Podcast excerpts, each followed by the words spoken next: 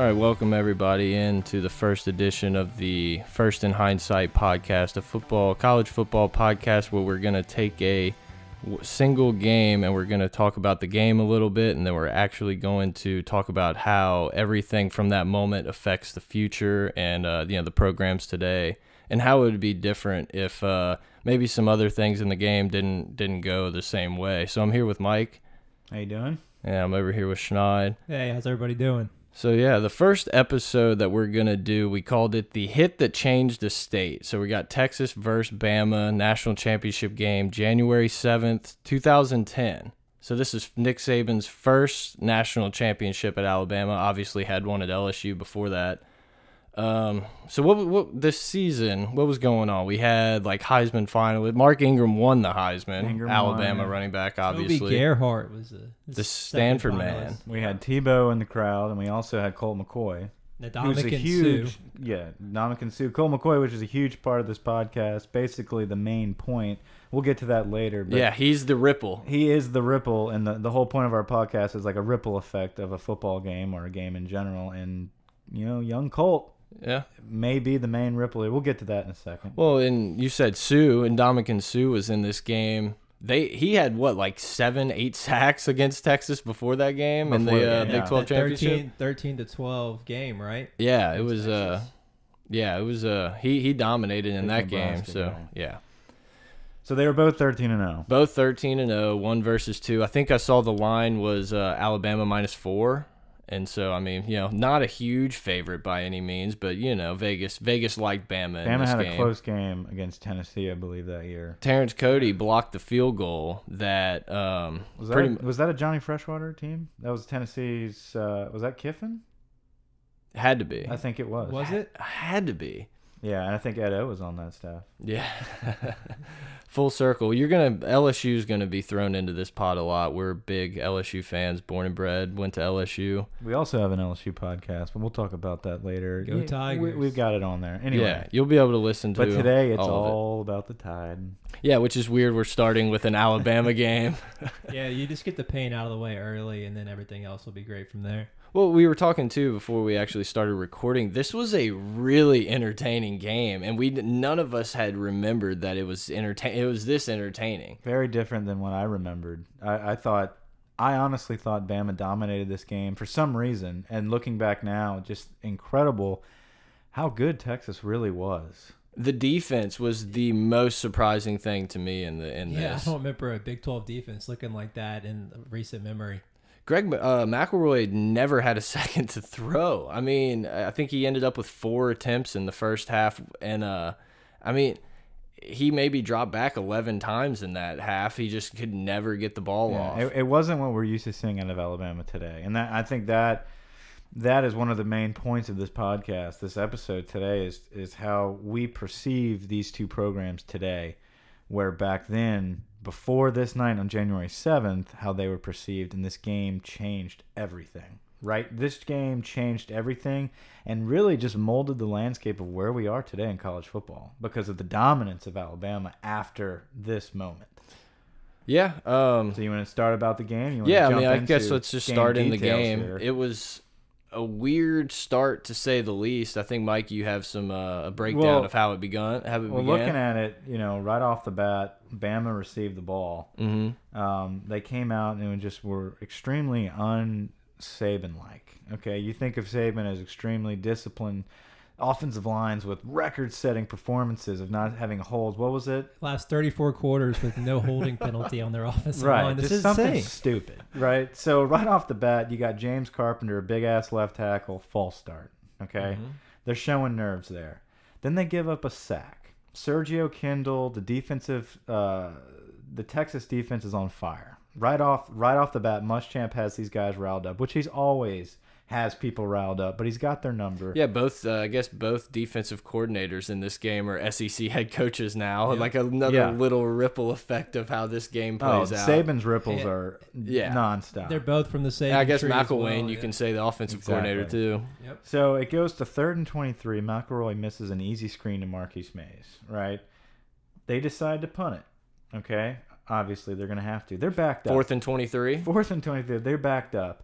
The most unsaban like thing you'll ever see on, especially in a national championship. He decides to fake punt. It's intercepted. Okay, Bat it down. they're they're intercepted. Texas takes over. All the momentum's on Texas side. They shut down Alabama right out the gate. They intercept a fake punt. Saban looks like an idiot. Bama looks like an idiot. Colt McCoy comes in. Colt McCoy, the all-time career win leader for the University of Texas, lights it up. Marching down the field, they've got uh, quick passes. They are running sweeps. Marching yeah, they had a sweep that just went, well, almost it. went to the house. The whole first half, they were stretching the stretching Bama's defense on the sidelines. And the, the the on this first drive, the thing that stood out the most is they were third and short. It was third and short, and Texas decided to line up against the big bad SEC Alabama defense and pound it up the middle with a dive on third and short and got the first down. That boosted their morale, kept the momentum going, kept the drive going, and you could tell in Alabama's uh, their demeanor they felt like that okay this these guys are here to play. You could tell that right off the bat. They're marching down. They're within the 10 yard line. They're about to score. And this one play this one hit changed everything for texas football changed everything in, in football from here on out Colt McCoy runs a quarterback keeper. He starts left, okay? The hole's clogged. He moves to his right. As he the second he takes that hesitation to the right, boom, Marcell Dareus smacks him in the right shoulder. Ends it. Ends his career. Ends Texas football in my opinion, right? From that point on the ripple begins, right? Yeah.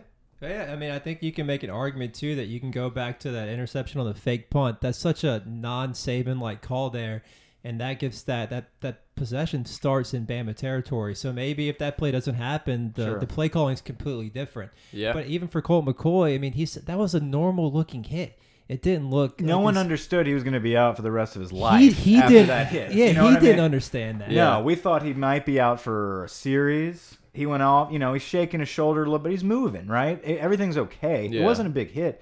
It was the specific. That's what makes this so such a weird moment. Is that it wasn't that big of a hit. It wasn't like they knocked his helmet off. He's been hit harder a thousand times. Right. in He his said life. it in an interview. He said, "I've been hit like that a million Yeah. times, and for some reason, this hit, I couldn't get my arm. I couldn't get feeling in my He's arm." He's not a wimp. You know, Colt McCoy took hits. He Mm-hmm. ran the ball a lot. This was a very normal thing on a national championship level, on that scale, that stage. You know that hit must have done something serious for him to be out. So he was done. Garrett Gilbert comes in, okay? True freshman. True freshman, 6'4", 275 Five-star, pounds, number two five-star, quarterback. Exactly. Stud, okay? Uh, not that that was against the norm of Texas. Every year they're signing big studs. So everyone expected this. He comes in. Um, they try to pound it in, no luck. Okay, so they get they get three points um, with a field goal. So right there, that was a drive killer. I don't know if it was that drive. I guess it might have been the drive after, but they ran a QB sneak with Gilbert. Like, Right. what if he gets hurt? Who? who no, it, I think it there? was that drive. I think it was that drive. Um, they tried to run a QB sneak and they stuffed him. Yeah. Right? They stuffed him. They tried to run a, um, a sweep and they stuffed him. They ended up with three points. Right there, Texas should have been up seven nothing. Period. Mm-hmm. Okay. Next play, they sky kick the kickoff and recover. This game was insane, and none of us remembered that No. all of this stuff happened. Special teams was huge in it this was game. so weird. Right off the bat, they have the ball on Bama's 40. Okay. They can score quickly here and go up 14 points. What happens? Three and out. They're done. Yep, five yards. I think they got.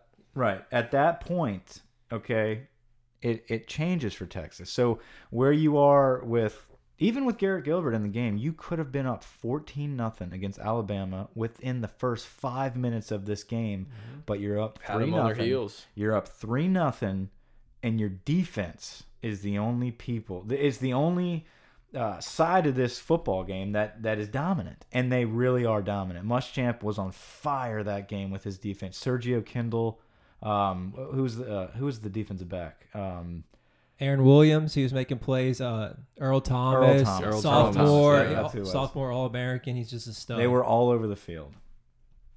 So uh, basically, that was the beginning of the football game.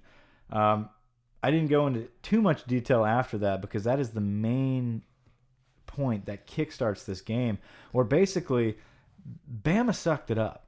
Bama sucked it up on offense and and basically took over.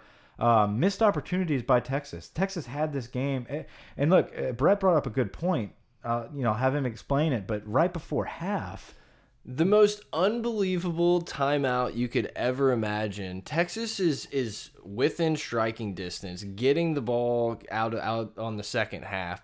And so what happened? Alabama scored right before, so they kick it off and they just run it for a few yards, 8, 10, 12 yards, and Mack Brown calls a timeout with 15 seconds left in the second half.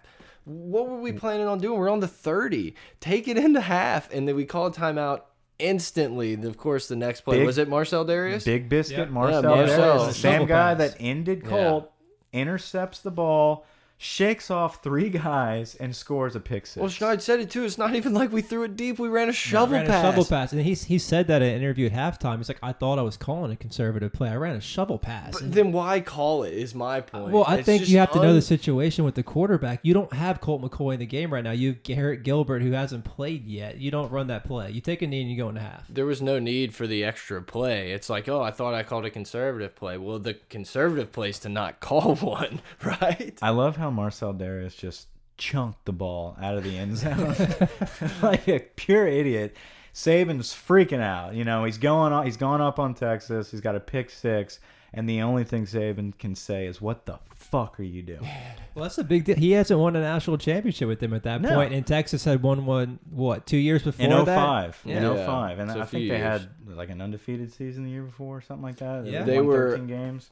They were undefeated, lost to a Tim Tebow Florida team, and, and, beat then Ohio they. State in the Fiesta Bowl. Texas. Oh, Texas, sorry, Texas. sorry, sorry. Texas. Yes. But yeah, both those teams were very dominant. But historically, to that point, Texas was definitely the more dominant program. Oh yeah. Yeah. I mean, uh, in, in the In recent, that- yeah, yes, right. in Obviously, that same era. got their well, they're coming off a Vince Young bullshit victory. claimed Yeah, they're coming off a championship. Vince Young uh, team.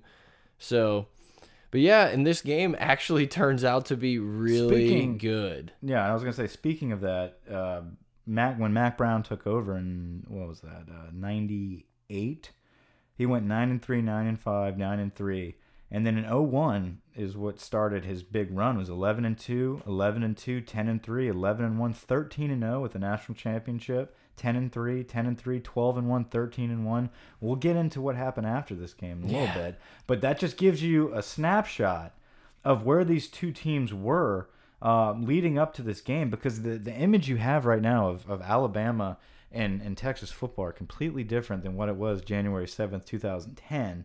I actually have something here uh, I wanted to say. Uh, the two programs in this game had uh, combined 11 Poll Era national championships. Texas had won four, most recently in 05. Alabama had won seven, most recently in 1992. A little while ago. 92 was the last time Bama had won a national championship.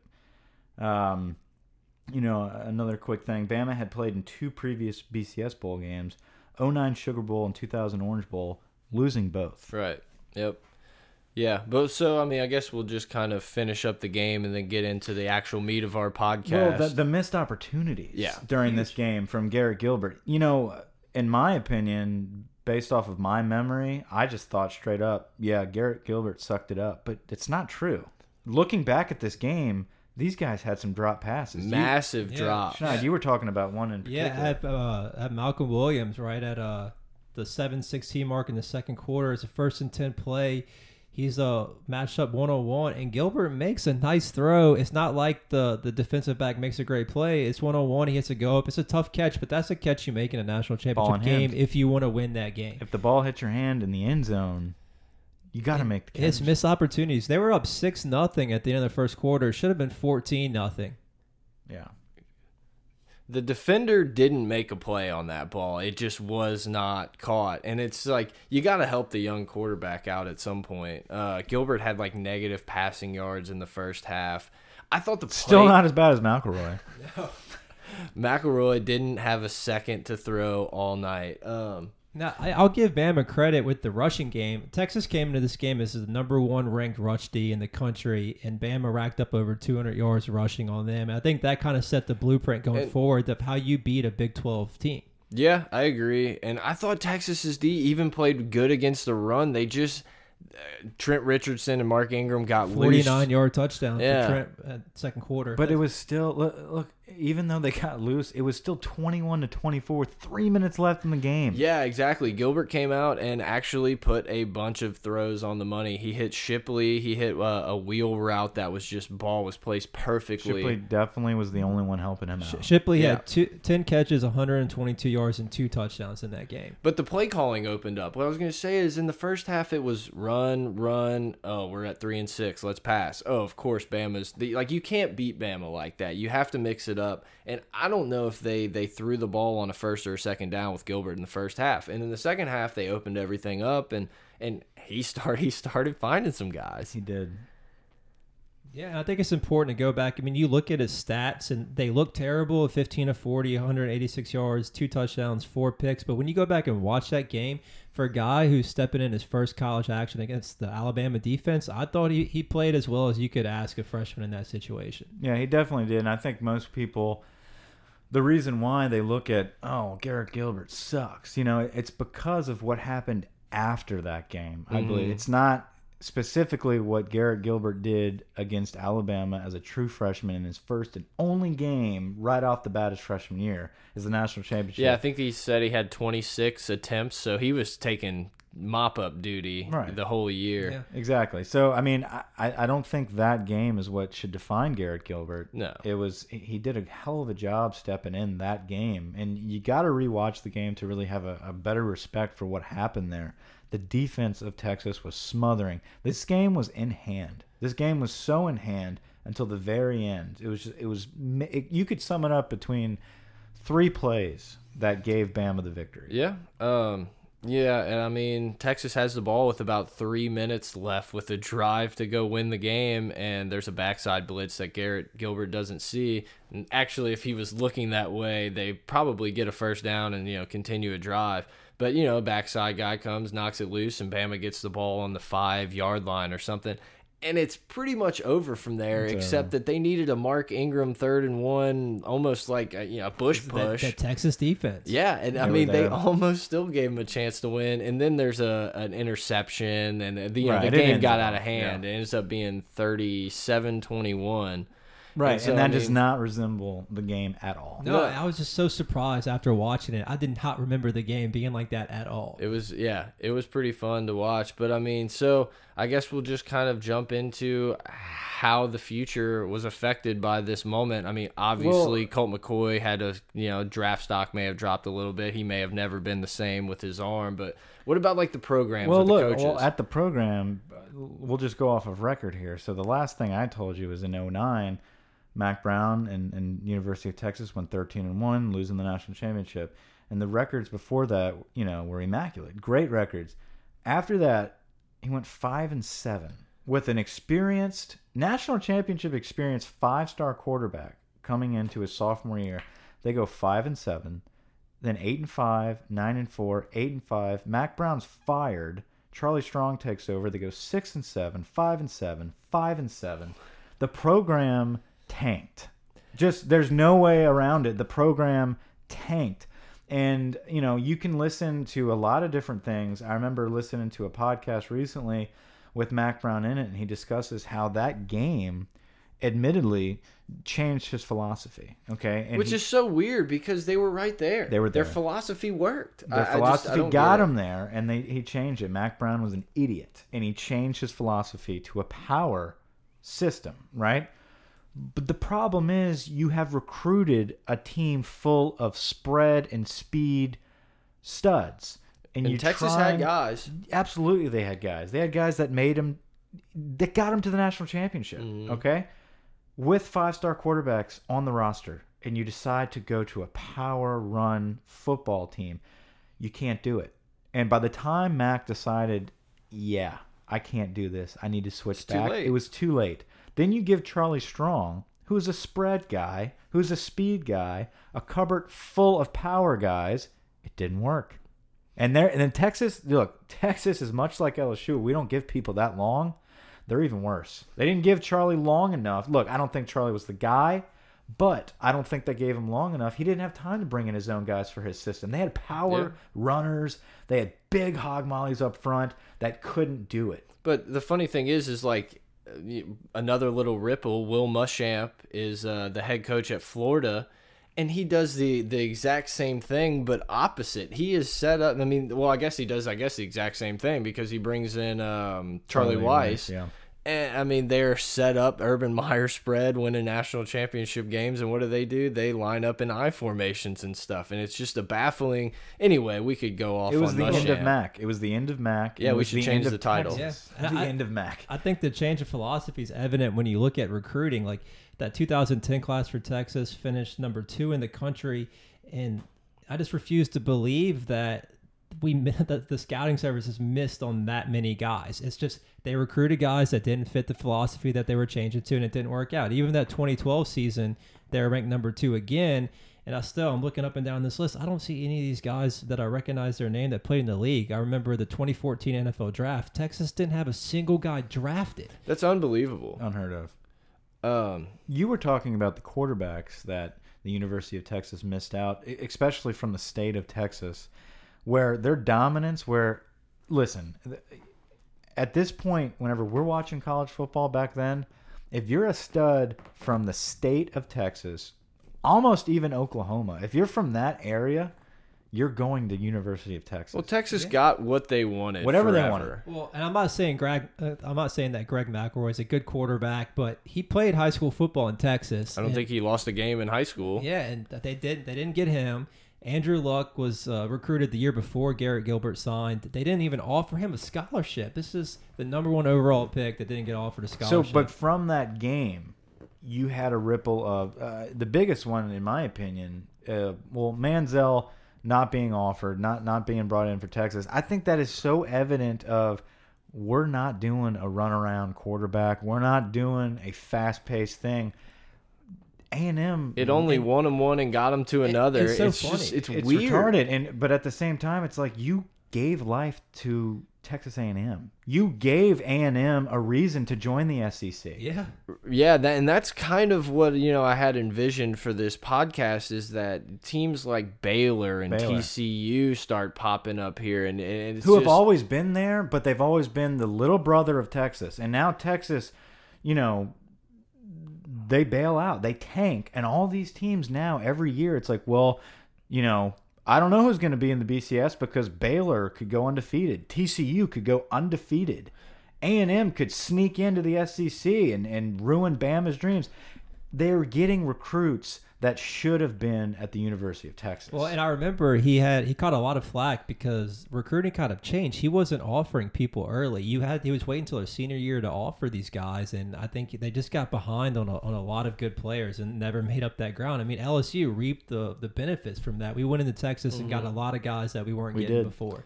But so, uh, I guess the point I'm trying to make here is that in 2010, if you're a kid and you're like, "Oh, I'm going to Baylor," everyone was just like, "Oh, okay." Now it's like Baylor's a school; they're a guy. But at this point in time, it was if you're not at Texas. I mean, like even Texas Tech was just like, "Who cares?" Like they're they're Yeah. fine. We'll go throw the ball. Yeah, I mean, you look at Earl Thomas from Orange.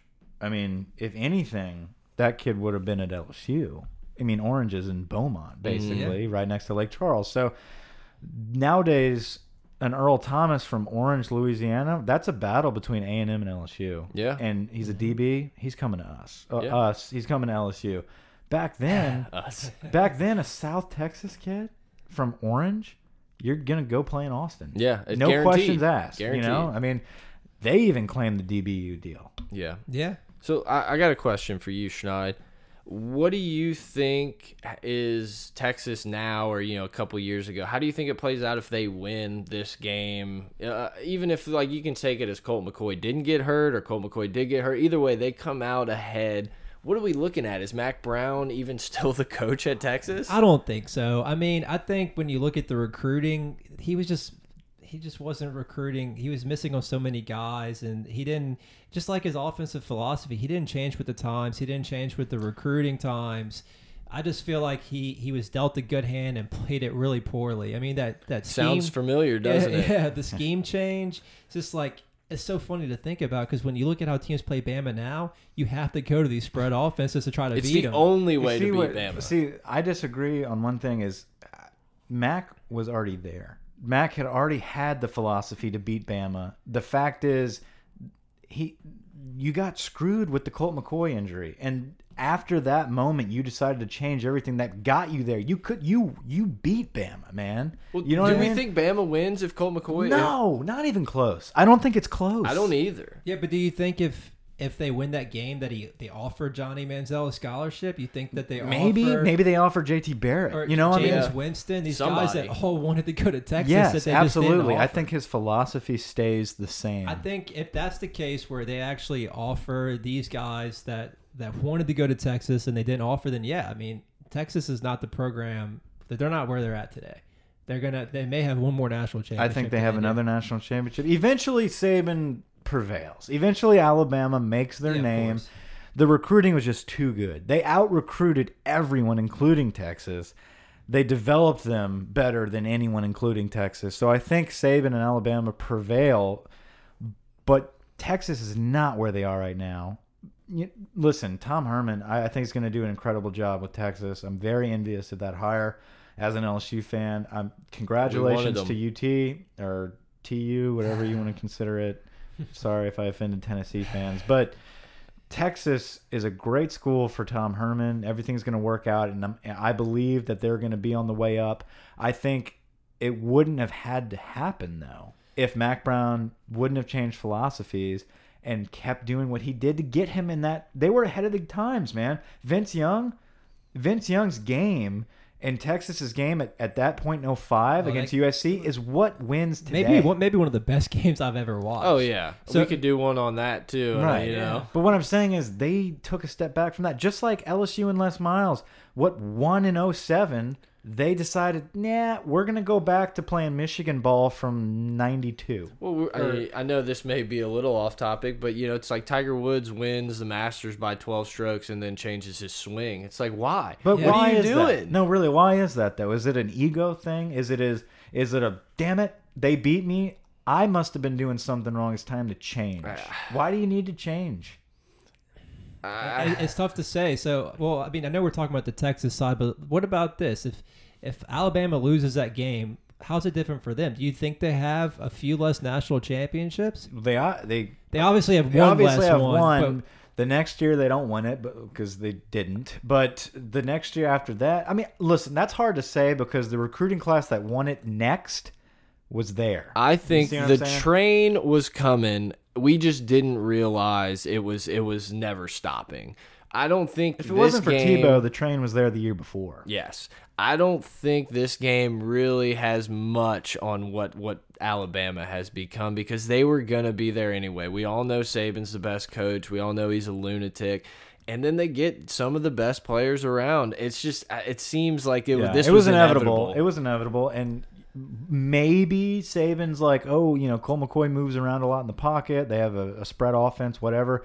Maybe he, you know, speeds the process up and makes his offense a little more, you know, three dimensional instead of one. the power offense Right. they had. But it worked for him. That's what won. He didn't change to what he's doing now with like Jalen Hurts and all that stuff with Kiffin until what two seasons ago. yeah. It took him a long time to adapt because he didn't have to. He would just he just had Still, better players. still winning. Yeah. He's still there. I mean, it, it had a lot to do. This game here, like I said earlier, really defines where we're at now after this one moment. And I think it all goes back. It could have been the fake punt, which is so unsaban like. If they don't fake Yeah. punt, does Colt McCoy get hurt? Yeah, exactly. That's the whole point. I mean, that's what I told you. I said if I said Bama would fake punt on fourth and 23 on their own 10 or whatever against Clemson this year, everyone would make fun of me forever. Like, it's just such an unbelievable thought. I, I don't know if it was called or if it's a read. I, I don't care. Just the fact that Saban even would, like, give a punter an option Right.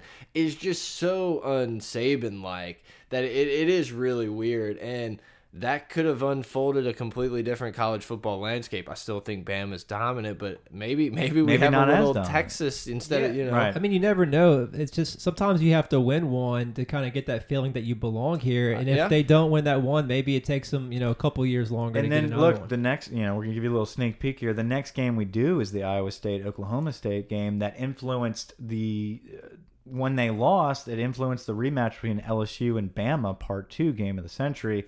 Where hell, man, if Texas beats Bama in the 2010 national championship and that game goes differently, Iowa State, Oklahoma State, Bama doesn't have a national championship until the next year against Notre Dame, and you're not talking about Saban being anywhere near the same level as Bear Bryant. It's crazy to think about because I you know, being an LSU fan, we feel like Saban wins the title every year and it crushes our dreams. But yeah, I mean, that could have been a really long gap for Sure. Saban to have broken through, and it would would he be the monkey off his back type of guy? You know, it's kind of It- weird. who knows? Yeah, and you- that's the point of this. This that's what's so interesting about this podcast is like you don't know. Well, we could Yeah. sit here for hours and talk about different ripples of how this game has impacted others' careers, players, coaches, and, you know, anyone involved in it. You could just go a thousand different ways. yeah. Yeah. So what about you guys? You guys think of a like one specific player that you can think of off the top of your head that it just affected the most? Out, out of this game, Out the, of this the game. one player that it affected. the Yeah, most? yeah. Let's just say a player that lost the most in this game, other than Colt McCoy. Garrett Gilbert. Yeah, I, yeah, this game was kind of rough on Gilbert, even though he kind of came out the other side. It seemed like at the end, it, it. I don't know if throwing him to the wolves like that maybe psyched him up, or you know, kind of hit his shot, sock, uh, his thought process a little bit, and he couldn't do it anymore. Or Psyche. yeah, psyche. Thank you. it took a minute. Um, Yeah, Garrett- you're right. It was rough for him. He only had one 300 yard game after that. Yeah, it was um, it was an identity crisis for the program, and Gilbert was caught in the middle of it. And I think he is he's from Texas, right? Wasn't Yeah. Garrett? Yeah, okay, he's so from he, Texas. he's a Texas kid, homegrown, probably idolized these Texas quarterbacks, dreamed of being in that exact position he was in. Yeah. Just maybe a couple years later. And I think this game set up something that us as LSU fans are way too familiar with just a toxic quarterback environment because the philosophy changed. I'm looking at stats that date back to 2015. After that game, the quarterbacks that they played combined for 51 scores and 59 interceptions. mean, I don't even know if I could name more than uh, one of the quarterbacks Texas has marched out since that game. They're just it's it's Texas. They don't have a quarterback, and it's I think McCoy's brother came out. Yeah, even. Case maybe. McCoy, True. David Ash, who battled Ash. concussions. Who was the Uh, kid recently, like last year? The, their quarterback right now. They now. had Swoopes, Buechele but uh, I don't know who the Buechele. guy- Buechele. Yeah. He's good. I like He's that good. kid. But he's he was very Colt esque. But Herman's going to change the quarterback environment. I was gonna say I was gonna bring that first. I was gonna bring up we were talking about how Bama, uh, you know, it was, it was inevitable for them to to be where they are today, regardless of winning this game or not. But if Texas would have won, would they have? How many recruits went to Bama from the state of Texas that made Bama who they are today? I don't know that. I Yeah, didn't do maybe we research should on have done that. the research. But but what I'm saying is, I think there was plenty. I think there was plenty of Texas recruits that Saban cherry picked. Okay, in LSU Absolutely. that would have been a different. It could have been a different program, different teams. You know what I'm saying? Yeah, I think when you win championships at multiple universities, that just is a selling point there. That look, I'm the reason why we're winning championships. I've done it there. I've done it here now. You know, to come with me, and we're going to win some championships. So okay, so how do you think Tom Herman does at Texas? You want to well, let's switch gears here and talk about the future now. Yeah. Of, Yeah. of of these two programs. Let's start with Texas with Tom Herman coming from the University of Houston, coming from Urban Meyer's um, offensive coordinator at Ohio State. I think, in my opinion, the most brilliant offensive mind for this next group of coaches. Uh, yeah, I couldn't agree more. I have been telling you guys for years. I remember him at Ohio State, and I said, "This guy is the next big head coach." You were always the Well, Tom Herman. yeah, guy. I want you to talk about the. Uh, you went to the Oklahoma game, or no, the Houston. I went to the Oklahoma Houston Yeah, game that opened up the season, and uh, you know, I kept telling my dad, I'm like, my dad, this is the guy that's the next coach at LSU. He is our guy. Just he he he does it. Oh, you know, my dad didn't believe me. all Brett's this dad, stuff. by the way, is a former Oklahoma running back. There's a reason why he talks football with his dad. He's a stud. Yeah, we'll get him on here one day. We will get him on one day. He's a treat. So, so we're sitting there in the stands, and and Houston obviously just starts annihilating Oklahoma's defense. Oklahoma's defense wouldn't change, and Herman said, "I'm going to." Pick on this DB. I'm going to keep running read routes for my quarterback. And it was just so impressive to watch. We go to LSU games all the time. We don't see anything like this. No. But about I don't know two uh, maybe about halftime, he looked at me and he said, "I now understand why you've been all over this guy." And but and it's not just your typical look. Nowadays there is a billion offensive coordinators that think they're the best, that look like they're the best for a few games. You ride the bandwagon for a while. I say you, I mean everybody, like in general, rides the bandwagon. This is the next guy. This is and they fade away. They burn out. This guy was the offensive coordinator that had the it factor to take over as a head coach. That was the difference. It was a guy that's like, hey, I want this guy to take over our program, not just because he's offensive minded and he's brilliant and he's very, uh, you know, he adapts to the changes the defense makes. He he's got it. he He's- adapts to the quarterback that he gets in a given week. He's urban, man. Like, Yeah. and that's the thing. He's an urban product, and he he resembles urban, but in a more modern game. Well, and I also read too. Uh, I was reading an article about Tom Herman, and they said that Urban Meyer was completely against zone blocking schemes, and Herman just kept beating it into his head. And he's in whenever Urban finally let it go. Apparently, that's when that offense just like took off. Right. And so I think I think Texas is going to be good. I think that there's going to have to be time. I don't think they have the athletes in place to be able to compete with a lot of these Three teams. years. Yeah, three years. I that's think three years. Tom and it's Herman's kind of there. Herman has brought instant success to wherever he's been, so I kind of feel like they're gonna be there, but not there. I'm talking national championship level there. I'm talking they're going to be in the big game three years. I could see him making the playoffs in three years. I mean, I could see him in the next year being a contender in the Big Twelve. Yes. Yeah. but I Yeah. just don't see them. they That's could have the been a contender with Houston this year Yeah. yeah, or last year, whatever. I, I, the only thing that worries me is the little bit of the talent gap that I don't think Texas has compared to other schools. But I mean, if I'm picking a coach, that's my guy. Right, and I think it's going to take three years. Like they're going, to like you said, they're going to be in games, and they could potentially upset a lot of teams and make it to the Big Twelve championship game, whatever.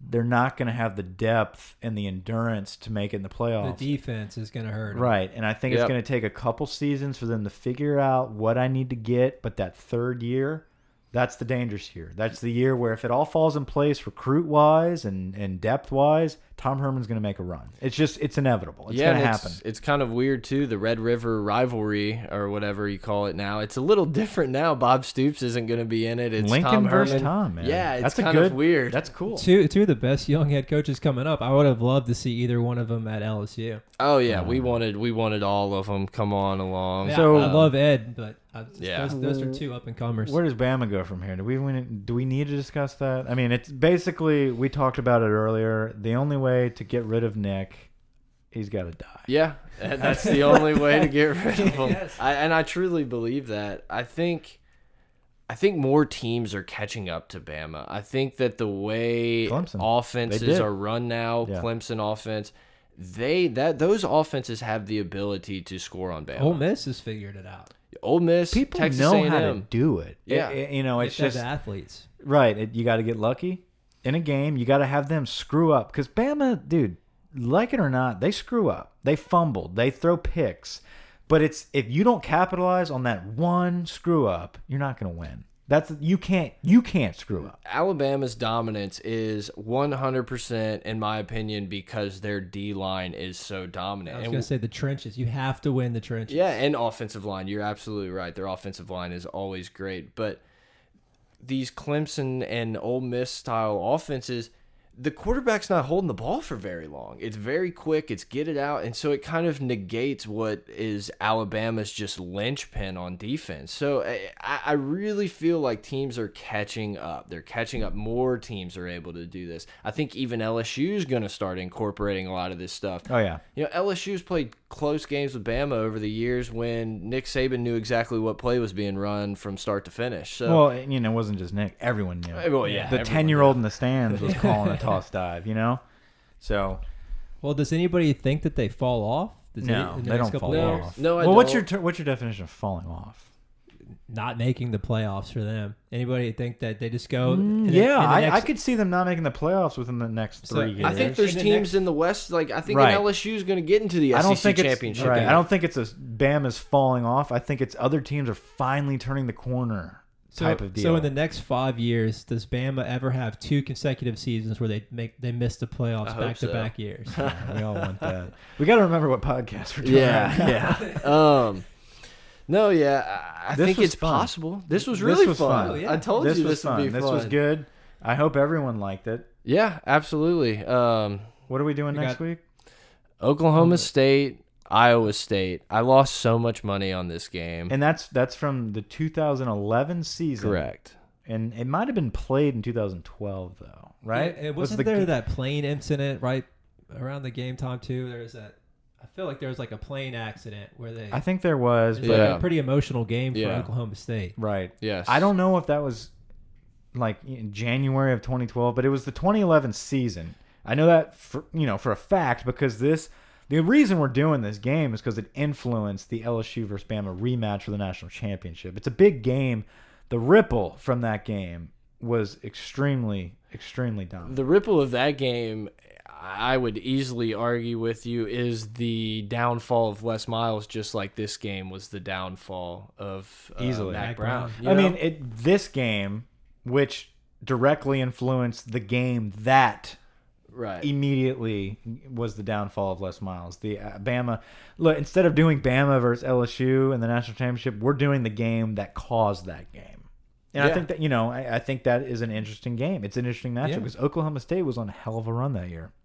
Yeah. You know, Yeah, I mean, I don't know. Yeah, that was fun. I had a fun time. this is a good time. Yeah. Hopefully, everybody tunes in next week. Um, thanks for listening, and we'll catch you then. Yeah, if you have any uh, games that you think we would do well, hit us up at first and hindsight at gmail.com. Uh, any suggestions or anything you have, hit us up and we'll, you know, see what we can do with them. We'll research your game. Yeah, we're not limited to just college football. That's kind of where I think our passion is mostly. But if there's an NFL game that we can talk about, Right. And so, I mean, I guess what else we're going to do, uh, we're big LSU fans if you hadn't caught it by now. So, we're going to be doing some LSU type podcasts. We're going to be doing recruiting. We're going to try to deep dive into recruiting because people are nuts at LSU. So, we're going to do that. I think, you know, once football starts, we're going to start doing a weekly, you know, preview of games and stuff like that. And then uh, anything else we got in the works yet? No? Um, nothing right now. I mean, I know little we fantasy football. right. now. Yeah, Right. yeah. We've got kind of like a gumbo podcast of everything: Netflix reviews, fantasy Yeah. football, betting lines, Vegas, Anything. anything. So, Anything. um, Just stuff that we like to talk about. that Exactly, Everybody, I imagine all groups of friends like to talk about. Yeah, so guys, thanks for listening. We listening, hope you enjoyed it. That was good. That was good. That was fun, man. That and like good. we're just gonna keep getting better at it for sure. Yeah, Yeah. this thing just keeps telling me I don't. I'll be have real, ton of real information. interested how it sounds on the playback. I Yeah. think, we did, I think we did well. I think we meshed together. I'd listen to that. Yeah. You know,